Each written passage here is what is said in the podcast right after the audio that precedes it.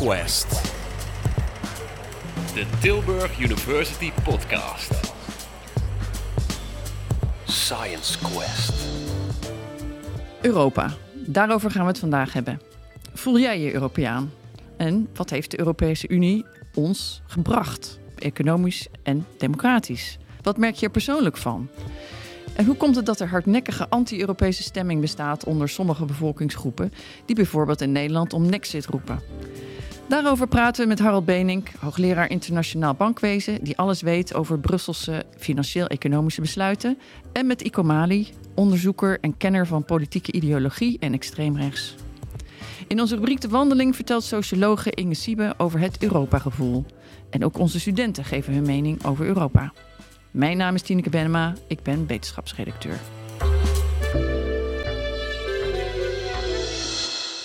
Laten we eerst even luisteren naar ehm, de stemmen van de studenten op de campus. Science Quest. Ik denk niet dat ik me per se Europeaan voel. Wel Nederlander. In, in hoe, hoe we ons gedragen misschien en qua onze cultuur meer Nederlands. Zoals ik bijvoorbeeld in Amerika ben. Uh, dan zou ik niet zo snel zeggen, ik ben een Europeaan en daarom doe ik dit en dit en dit. Nee, meer vanuit de nationaliteit, ja. ja. Ik voel me eigenlijk ook niet echt een Europeaan. En dat heeft betrekking met het feit dat heel veel van het beleid ook niet uh, in alle landen wordt doorgetrokken. Denk ook aan corona, hoe daar verschillen in zijn geweest. Maar ook bijvoorbeeld al zien het met belastingen, uh, benzine, et cetera, energieprijzen. Daar verschillen wij met andere landen toch op Europees vlak best wel veel van. Ik heb niet heel veel met Europa of zo. Gewoon meer vooral Nederlander. I think I feel pretty European because when I came to the Netherlands here, I didn't uh, feel any discrimination or um, let's say racism in a way.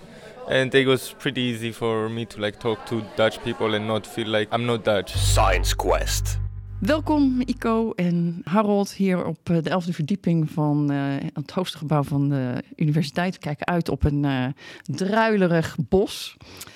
Harold, jij bent hoogleraar internationaal bankwezen. Als jij op een feestje bent, hoe vertel je dan wat dat inhoudt, wat jouw werk is? Kijk, als je praat over internationaal bankwezen, hebben we natuurlijk een hele grote crisis gehad. Een bankencrisis die niemand had uh, natuurlijk vermoed dat dat kon. Mm -hmm. 2008 dus ruim 15 jaar geleden, het faillissement van Lehman Brothers in Amerika en hoe dat dan kon doorwerken en niet alleen leiden tot een bankencrisis in de Verenigde Staten, maar ook hier in Europa.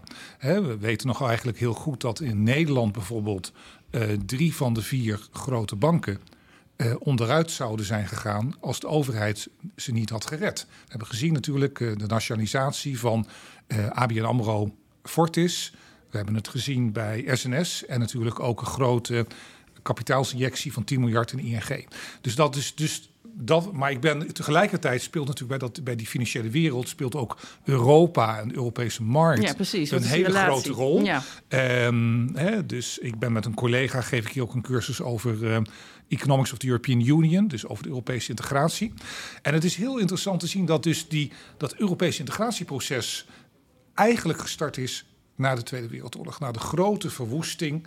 Duitsland lag in puin. Mm -hmm. uh, uh, Nazi-Duitsland, wat het heeft aangericht. En toen was het toch eigenlijk het idee: we moeten nou niet opnieuw weer een oorlog in Europa hebben, maar we moeten veel meer gaan samenwerken. Vrede, veiligheid, stabiliteit. En zo is toen dat Europese proces gestart. Met zowel economische als politieke ja, doelen. Ja, met economische, hè, dus eigenlijk ook politieke integratie, maar vooral in eerste instantie met economische integratie. Het begon heel interessant met de Europese gemeenschap voor kolen en staal. Ja. Een energiegemeenschap in 1951. Nou, als we nou kijken wat er de afgelopen jaren gebeurd is met de Russische inval in Oekraïne. En de afhankelijkheid van Europa van Russisch gas. Hè, dus het samenwerking op energiebeleid. En dan ga je toch denken, hé, hey, daar waren ze in de jaren 50 ook mee bezig. Maar natuurlijk een belangrijke milestone is natuurlijk ook de Uh, 1957 het verdrag van Rome, hè, de oprichting van de Europese Economische Gemeenschap om een gemeenschappelijke markt te creëren waar je vrij kan handelen, dus importeren, exporteren, maar ook vrijheid van personenverkeer, uh, kapitaalverkeer en diensten. En nou, daar zijn we eigenlijk nog steeds mee bezig. En het begon toen met zes landen. Ook Nederland was natuurlijk een van de oprichters van uh, die Europese gemeenschap, samen met België, en Luxemburg. Ik kijk even Ico naar is, uh, is uh, Vlaming, Ico tegenover me. Voor de luisteraars, Uh, dat kunnen ze niet Maar natuurlijk ook uh, Frankrijk, Duitsland. De Frans-Duitse as is nog steeds heel belangrijk in termen van de besluitvorming in Europa en Italië. Inmiddels toen zijn we, toen zijn we van zes naar 28 landen gegaan. En een paar jaar geleden, zoals we weten, is het Verenigd Koninkrijk weer uitgetreden. Brexit. Dus nu hebben we een gemeenschap van 27 landen. Ja. En, en wat betekent dat nou voor een Europees burger? Nou, dat betekent dat je dus op een aantal, dus met name denk ik dat de vrije, het vrije verkeer van goederen en diensten, dat je dus uh, zonder importheffingen, zonder protectionisme, dat je gewoon uh, goederen kunt importeren en exporteren. Dus dat je uh, een auto die uit Frankrijk komt en naar Nederland gaat, dat is, daar kan geen, uh, als wij nou denken er komen te veel auto's uit Frankrijk, dat wij dat kunnen tegenhouden. Dus dat is dus gewoon meer keuzemogelijkheid, meer concurrentie en daarmee eigenlijk betere producten tegen lagere prijzen. Je ziet het nu ook met Brexit omdat het Verenigd Koninkrijk niet meer deel uitmaakt van die Europese interne markt, wordt het veel moeilijker te handelen. Dus als je een, een bestelling doet uh, in Engeland en het moet met een pakketje hier naartoe komen, dan gaat het dus direct mis.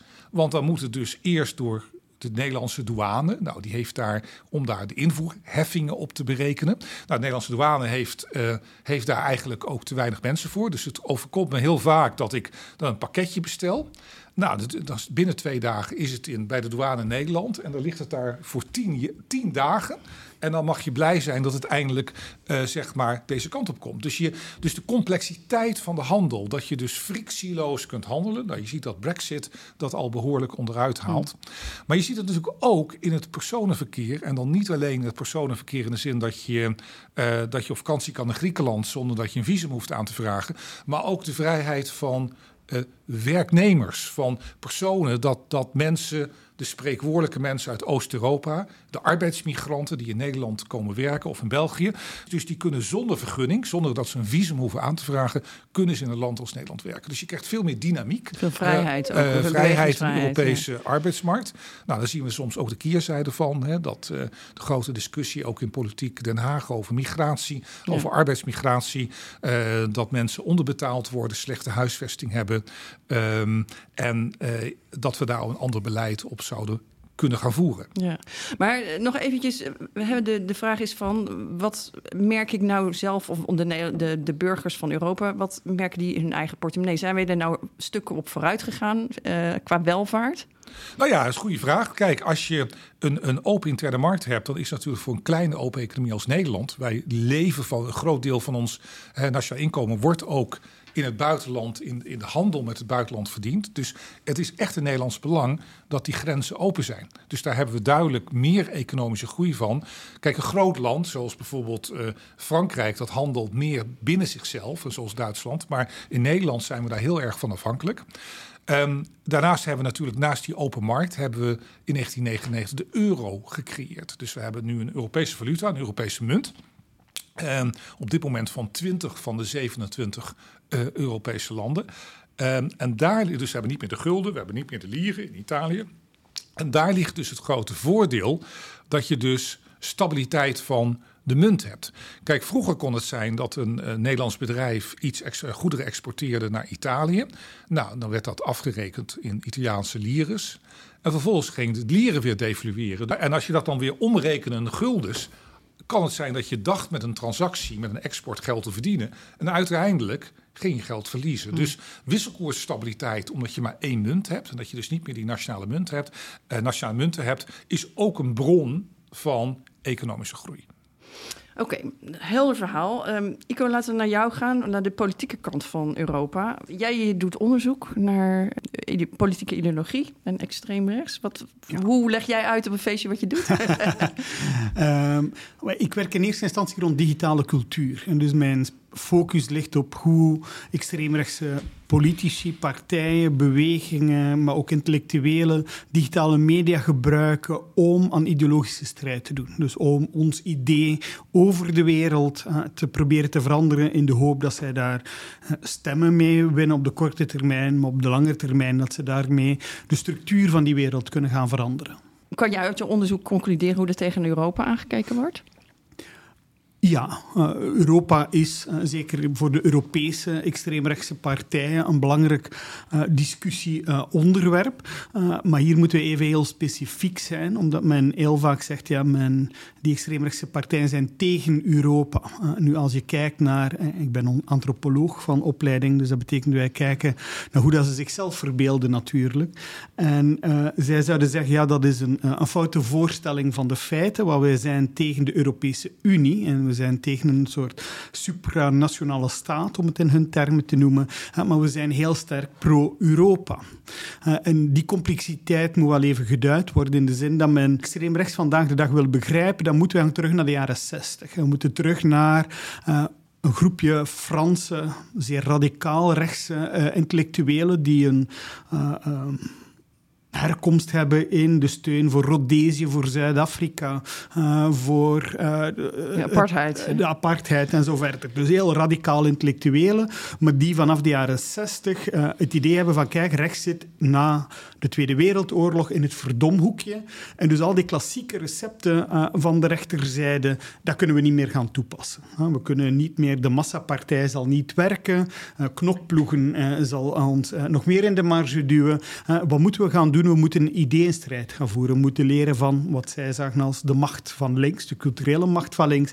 En we moeten dus op lange termijn ideeën gaan produceren die ons toelaten om terug aan zet te komen. En als je van de jaren 60 tot nu kijkt, dan kun je zeggen dat dat spel eh, heel goed gewerkt heeft. Ze noemen dat metapolitiek, namelijk die strijd om de ideeën. En vandaag zie je dat eh, over heel Europa eigenlijk extreem rechts weer aan zet is. We kijken naar eh, mijn land, het Vlaams Belang wordt verwacht de verkiezingen te winnen in 2024. AFD uh, eh, in Duitsland is in opmars. Uh, de FPE in Oostenrijk. Um, en ik zou daar Wilders ook onderscharen hier in eigen land. Um, dus je ziet dat men uh, een bepaalde culturele strijd gaat gaan voeren waarin dat de Europese Unie één doelwit gaat worden dat men wenst te bestrijden, maar dat men wil vervangen door wat zij noemen een Europa van de volkeren of van de regio's. Het idee is dat die suprastaat verdwijnt, dat men terug soevereiniteit geeft, vooral over die grenzen uiteraard, omdat men migratie wil buitenhouden, men wil droom terug van een, een soort homogeen uh, Nederland, een homogeen Duitsland. En zie de mensen van AFD die samen zaten met Martin Sellner van Generation Identitaire een aantal weken terug met een groot plan om de remigratie op te zetten naar Afrika. Meer dan 2 miljoen migranten uit Duitsland terug naar Afrika te transporteren. Dus je ziet eigenlijk dat dat werkt, maar heel opmerkelijk, die zijn Europees actief. Dus het idee dat ze loutere nationalisten zijn, mm. Dat is een fictie natuurlijk. Je ziet dat ze zelf uh, identity and democracy vormen op een Europese schaal. Je ziet op actieniveaus uh, dat je Action uh, Europe had. vroeger had je Generation Identitaire, die over heel Europa actief was. Dus men speelt op diezelfde schaal, maar men wil vooral een ander soort Europa. Andere structuren, maar ook een ander beleid natuurlijk. Erkennen ze wel dat, dat Europa ook ons een heleboel goede dingen heeft? Of laat zeggen dat de EU ons goede dingen heeft gebracht, zoals eh, welvaart en, en meer mobiliteit. Je schudt meewarig je hoofd. uh, wel, uh, ze volgen een deel het argument dat hier op tafel al gelegd is, namelijk het idee dat er een economische ruimte kan zijn. Daar heeft men geen probleem bij. Dus het zijn geen oldschool nationalisten meer. Hè? Maar ze dromen van een ander soort Europa. Dus die economische samenwerking en zo verder, daar zit het probleem niet. Het probleem zit vooral in wat zij zouden noemen uh, een soort ideologie van het globalisme uh, die in Europa zit, uh, waarbij dat een aantal denkbeelden getransporteerd worden en dat de soevereiniteit verloren wordt. Dus het gaat vooral, een, een, weerstand gaat vooral op alles wat met migratie te maken hmm. heeft, maar ook met het afstaan van macht van het regionale nationale niveau naar het Europese niveau. Hmm. En, dat is, en dat is eigenlijk heel, een heel interessant punt, want eh, je noemde ook het woord het verzet tegen de supranationale staat. Hmm. Het, zoals we weten, het model van de Europese Unie is natuurlijk een soort mix. Het is niet een federatie, uh, één land, zoals de Verenigde Staten, waar uh, vanuit het congres in Washington DC en de politiek daar de zaken worden bepaald. Dus Europa heeft een mix tussen. Er zijn supranationale instellingen, zoals natuurlijk de Europese Commissie, het dagelijks bestuur, het Europees Parlement. parlement. Uh, maar tegelijkertijd ehm, worden de besluiten ook heel erg genomen in de Europese Raden. De Europese Raad van Regeringsleiders, die heel erg de lijn uitzet. Maar dat is dus intergouvernementeel. Dat is een samenwerking tussen de regeringen van de nationale EU-lidstaten. Dus het is een bijzondere mix. Europa is zeker geen federatie en dat moet het voorlopig wat mij betreft ook niet worden. Want het is gewoon veel te... Dat zijn, da- daar zijn de, ja, dat is een hele andere historie dan de Verenigde Staten. Maar het interessante is, als je praat ook over ehm, wetgeving op Europees niveau. Kijk, die interne markt, en dat wordt wel eens eh, vergeten, die kan alleen maar goed werken. Dus die, die vrije handel, vrije import en export, op het moment dat je toch een zekere mate van minimumharmonisatie hebt van productstandaarden. Want als je, dat is natuurlijk het punt van waarom kunnen dingen gewoon zonder controles aan de grens worden geïmporteerd en geëxporteerd? Omdat je weet dat elke Europese lidstaat een bepaald Europees kader uitvoert van veiligheidsvoorschriften, eh, voorschriften voor auto's, voor medicijnen. En daarvoor heb je dus samenwerking op Europees niveau nodig. We zien nu ook met Brexit dat direct al, hè, nu zijn er ook alweer controles hè, als Europese goederen binnenkomen in het Verenigd Koninkrijk, omdat die eh, in Engeland moeten ze dan controleren of de, ja, of de, zeg maar, de groenten en bloemen die wij vanuit Nederland exporteren wel voldoen aan de Britse standaarden. Dus ik vind altijd heel interessant dat we zeggen, ja, we moeten dan daar minder. eh, we moeten dat terughalen, hè? taking back control, Brexit, hè? taking back nationale Ja. soevereiniteit. Ico zei het net al, hè? maar dat eh, in het Verenigd Koninkrijk, dat is toch, heeft, zit toch wel, een, vind ik, een zekere ironie in. Taking back control, maar je leeft natuurlijk wel. En je, en je ook economisch gezien in een wereld waar je wederzijds afhankelijk bent. Want je importeert, je exporteert. Dus je kan niet alleen maar je eigen gang gaan. Je kan en, je niet zomaar aan Europa Ja. onttrekken. eh, Nee, en ook niet aan de wereld. Ook Nee. als ze naar Australië of Nieuw-Zeeland exporteren. Dus dat taking back control, dat is een hele mooie nationale soevereiniteit. Maar in een interdependente wereld is natuurlijk die nationale soevereiniteit beperkt. Veel beperkter dan, dan, dan vroeger. Maar met migratie is natuurlijk wel het heel erg het grote punt. Ja. Maar het is niet enkel dat, denk ik. Ja, denk, Het is een, een ongelooflijk krachtig narratief eh, dat men heeft, omdat eh, ik denk, een hele grote groep mensen in verschillende Europese samenlevingen het idee hebben dat ze geen controle meer hebben, Ja. maar ook dat, dat, dat er geen enkele partij voor hen opkomt. En, en dus het narratief van ik kom op voor het volk, hè, komt heel vaak met de connotatie ik kom op voor de gewone mens. Eh, Dat is natuurlijk niet die agenda van die extreemrechtse partij, maar retori- retorisch gezien werkt het wel zo. Willen het resoneert. natuurlijk. Hè? Opkomen voor de gewone man, de Nederlander. eh, op die manier. Ja. Terwijl dat het eigenlijk gaat over een soort oud beeld van eh, een glorieuze natie en, en eerder eh, een beeld rond cultuur en zo verder is, die men eh, probeert te propageren, veel eerder dan dat men, als je kijkt naar de concrete beleidsmaatregelen, dan zal de gewone man daar heel vaak weinig aan hebben. Ja, ja. Hoe denken mensen zelf over Europa en bestaat het Europa-gevoel wel? Daarover maakten we een reportage. Laten we daar naar gaan luisteren. Dit is met eh, Inge Siebe. Science Quest.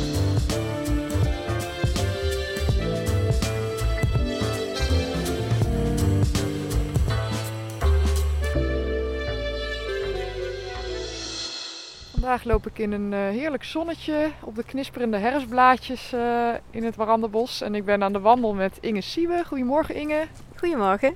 En eh, Inge is socioloog en verbonden aan de European Values Study. En daarmee ook de uitgewezen persoon om mijn vraag van vandaag aan te stellen. En dat is, bestaat er wel zoiets als de Europeaan? Ja, goede vraag. En die krijg ik ook best vaak. Ehm, en ik vind het best wel moeilijk te beantwoorden. Want aan de ene kant eh, denk ik van wel. Want we delen best wel wat waarden samen. Dat zien we ook in ons onderzoek. En maar aan de andere kant is er ook heel veel diversiteit. Dus ehm, ons onderzoek gaat naar waarden. Dus wat vinden mensen belangrijk in het leven? En daarin zie je dat ehm, ah, als je kijkt naar bijvoorbeeld democratie, vinden we allemaal heel erg belangrijk. De meeste mensen met tenminste. Ehm, ook tolerantie en solidariteit. Ehm, we verzamelen de data al sinds 1981. En daarin zien we ook dat in heel Europa, en Europa is eigenlijk zelfs groter dan de EU in ons onderzoek, dat we zijn opgeschoven naar meer tolerantie, meer democratie, meer eh, aandacht voor autonomie, voor vrijheid. Dus eh, ja, dat is eigenlijk best wel ja, positief verhaal. Ja, dat klinkt heel zeggen. optimistisch. Ja. Ja. Dat hoor je niet altijd in het nieuws zo. Nee, zeker niet. En er, er is ook veel diversiteit. Hè? Dus tussen landen zie je best wel verschillen.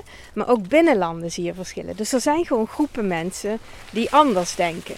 Alleen is het zo dat in onze data vinden we over het algemeen toch dat, ja, jij noemt het positief beeld. Ik vind dat ook best wel positief. Eh, dus zeg maar dat beeld naar, ja, naar die meer democratie, meer tolerantie, dat zien we eigenlijk best wel terug. En ik denk dat het ook wel komt omdat we in de data zien we natuurlijk ook gewoon, ja, doorsnee van de bevolking. En die hoor je misschien niet zo goed in het nieuws of op social media. Daar zie je misschien vooral de extreme. Maar de grote middengroep, ja, die, die is dan toch vrij, ik weet niet hoe je het moet noemen, normaal, positief. Ja. Ja, en ik merk het zelf ook als ik bijvoorbeeld ehm, ehm, bij de EU European Value Study hebben we een eh, deelproject. Waarbij we de data beschikbaar maken voor middelbare scholen. Evalio heet dat project. En dan geef ik soms eh, een soort nascholing voor docenten. En dan vragen we docenten eerst om hun eigen waarden in te vullen. En dan een verwachting te geven van hoe denk je dat de gemiddelde Nederlander denkt. Nou, dan zie je dat ze die veel ja, behoudender inschatten. Eigenlijk veel, een veel pessimistischer beeld ervan geven. Dan zijn ze eigenlijk altijd best wel verrast als ik dan de, de surveyresultaten laat zien. Dus ik denk, ja, het is een beetje een genuanceerder verhaal dan we soms denken. Dus die extremen die er zijn, die zijn er ook echt wel. Maar de, grote groep mensen denkt vrij democratisch, tolerant, positief. Ja. Dus we lijken meer op elkaar dan je misschien eh, zou denken. Ja, en daar wil ik niet mee afdoen dat er echt wel groepen zijn die anders denken, tegenbewegingen zijn. En dat die ook aandacht nodig hebben. Hè? Dat is ook belangrijk dat we daar aandacht voor hebben. Maar als we het hebben over, ja, vanuit de EU, Ursula von der Leyen benadrukt heel erg die democratie bijvoorbeeld. Nou, dat is iets waar echt heel veel mensen in Europa achter staan. Oké, ja, nou dat vind ik toch wel een positief beeld. Heel erg bedankt eh, Inge voor je bijdrage vandaag. En dan gaan we terug naar de studio.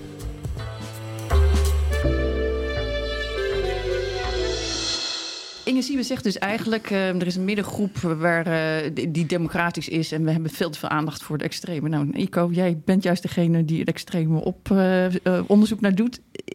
Kan je daarin vinden in haar visie? Mijn eerste reflectie, maar ik ben een cultuurwetenschapper, eh, zijn welke methodologie is daarvoor gebruikt. En ik vermoed dat men vraagt, houdt u van democratie of bent u daarvoor?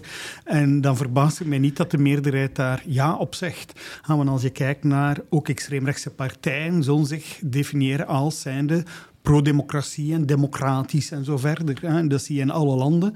Maar eh, het punt van de metapolitiek, wat ik daar straks al vernoemde, was eh, net dat men termen die hegemonisch zijn, die de macht hebben, die aanvaardbaar zijn, waarbij dat, als je zou zeggen dat je een antidemocraat bent en jezelf in de marge duwt, dat men dat niet meer doet. Dus extreemrechts doet niet meer zoals Mussolini eh, in de jaren dertig zeggen dat democratie een scam is en dat dat eh, puur eh, de bourgeoisie is die de, de mensen onderdrukt.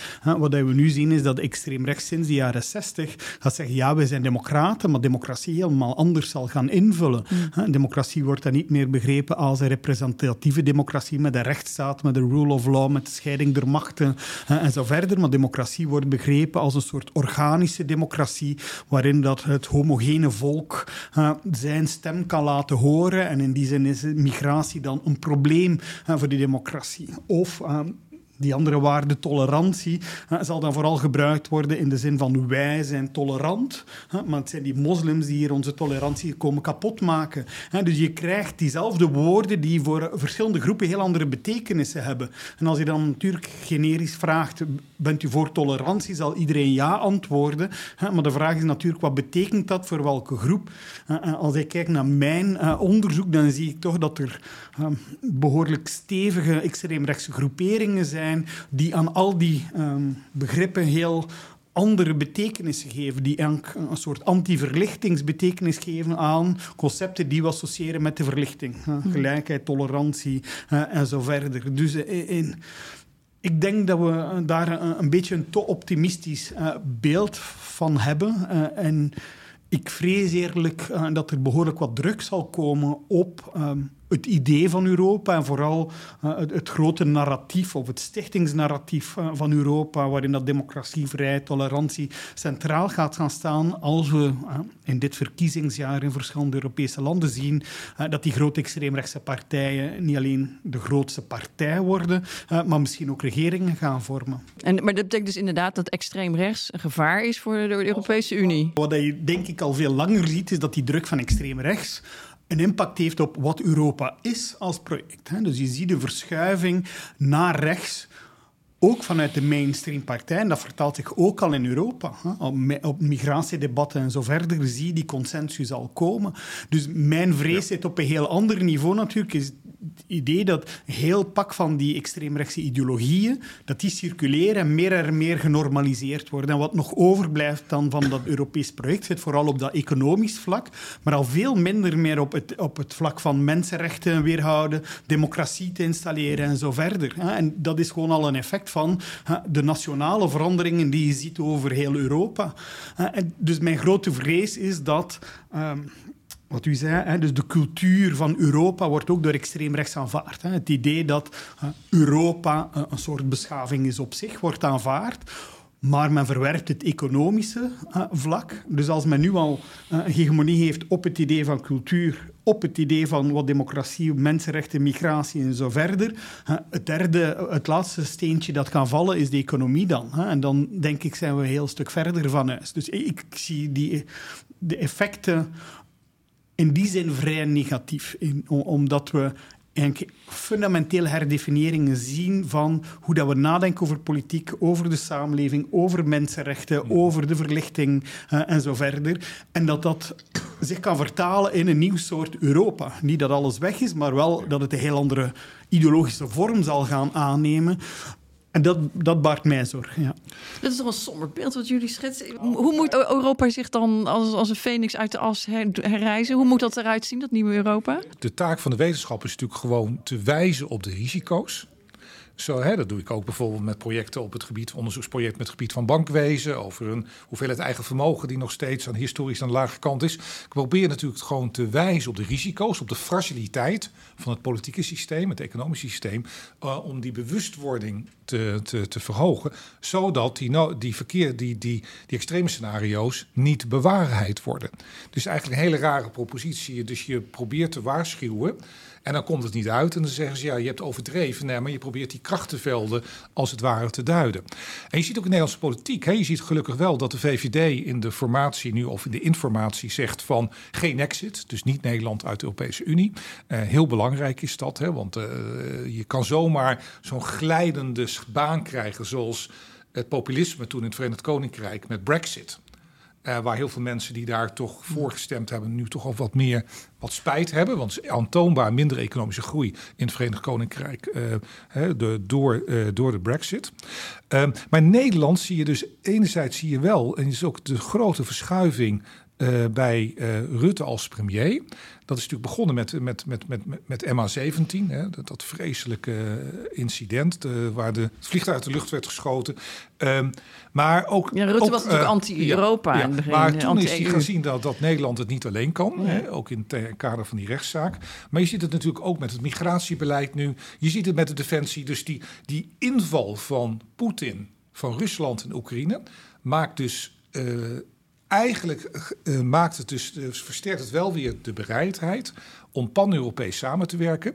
Alleen dan zie je wel weer dat Nederland weer een van de landen is van de vrekkige vier of de vrekkige vijf. Hè, samen met landen als, uh, als Oostenrijk en, en Finland bijvoorbeeld en Denemarken, Zweden. Want kijk, dit ligt heel erg voor de hand dat je op het gebied van defensie, op klimaat, op duurzaamheid, op um, duurzame energie Zuid-Europa volbouwen met zonne-energie en dan die energie hier naartoe transporteren, dat je daar nieuwe pan-Europese fondsen opricht, investeringsfondsen, uh, net zoals dat met corona-herstelfonds hebben gedaan. Nou, dat is risicodeling op Europees niveau. Dat betekent dat de Europese Unie weer nieuwe obligaties op de kapitaalmarkt uitgeeft. Nou, er zijn een aantal partijen die dus daar heel erg tegen zijn in Nederland. Dus Nederland wil enerzijds zien we wel, we moeten meer samenwerken, maar en dan zeggen dat heeft ook consequenties voor die financiering hoe we dat gaan doen gezamenlijk, dat is in Nederland natuurlijk nog heel, heel gevoelig.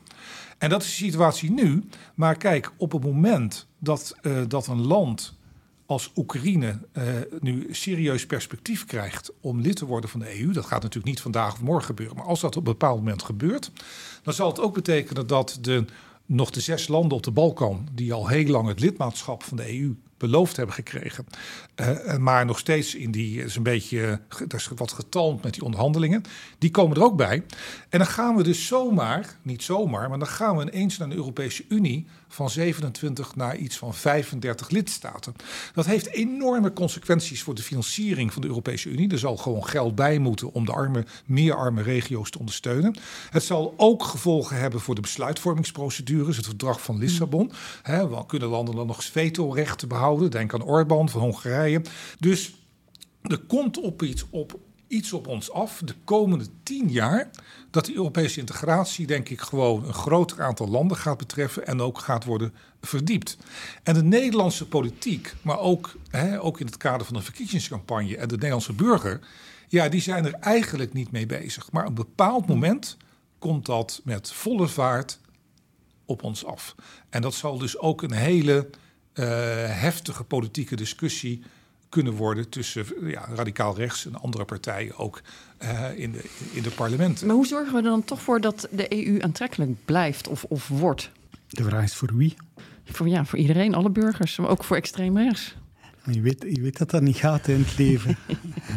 het is altijd iemand of, of, bepaalde groepen die ermee winnen en anderen niet. Ik, ik denk als je de vruchtbare grond van extreem rechts wil aanpakken vanuit Europa, dan zit een heel pak van de antwoorden, denk ik, in een veel socialer Europa die veel meer inzet op herverdeling. Ik denk dat niemand betwist dat er klimaatopwarming is, dat er daar regelgeving moet voor zijn, dat er initiatieven moeten voor zijn.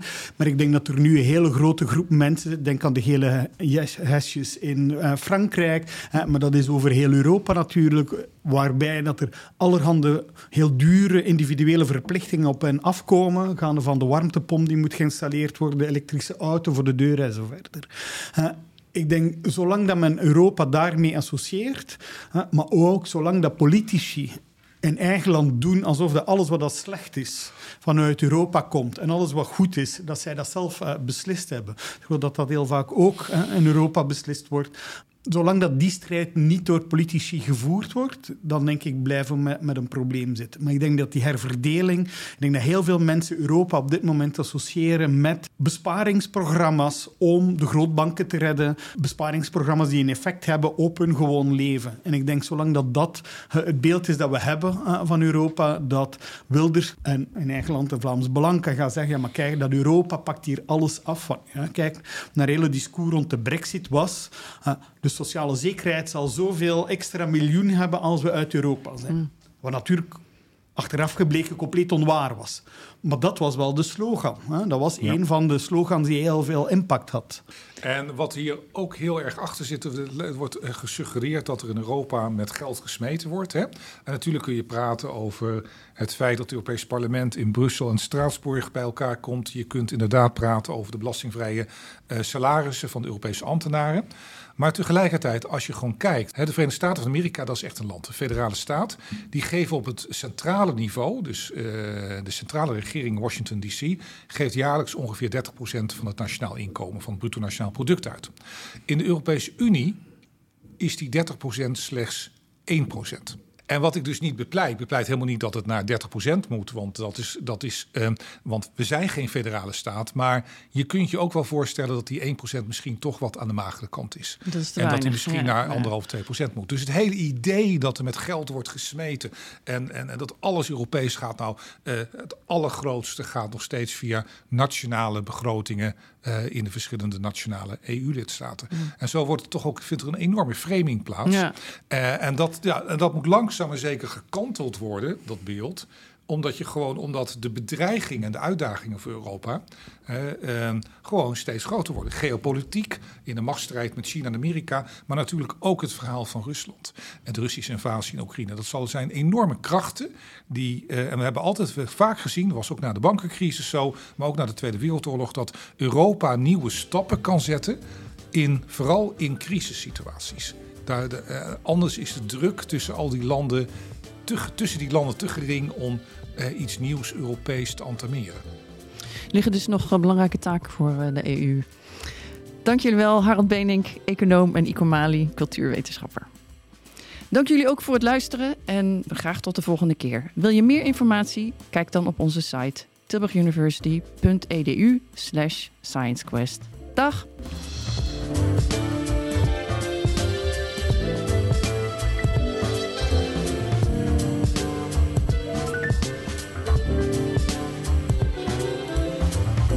Dit was Science Quest, de podcast van Tilburg University.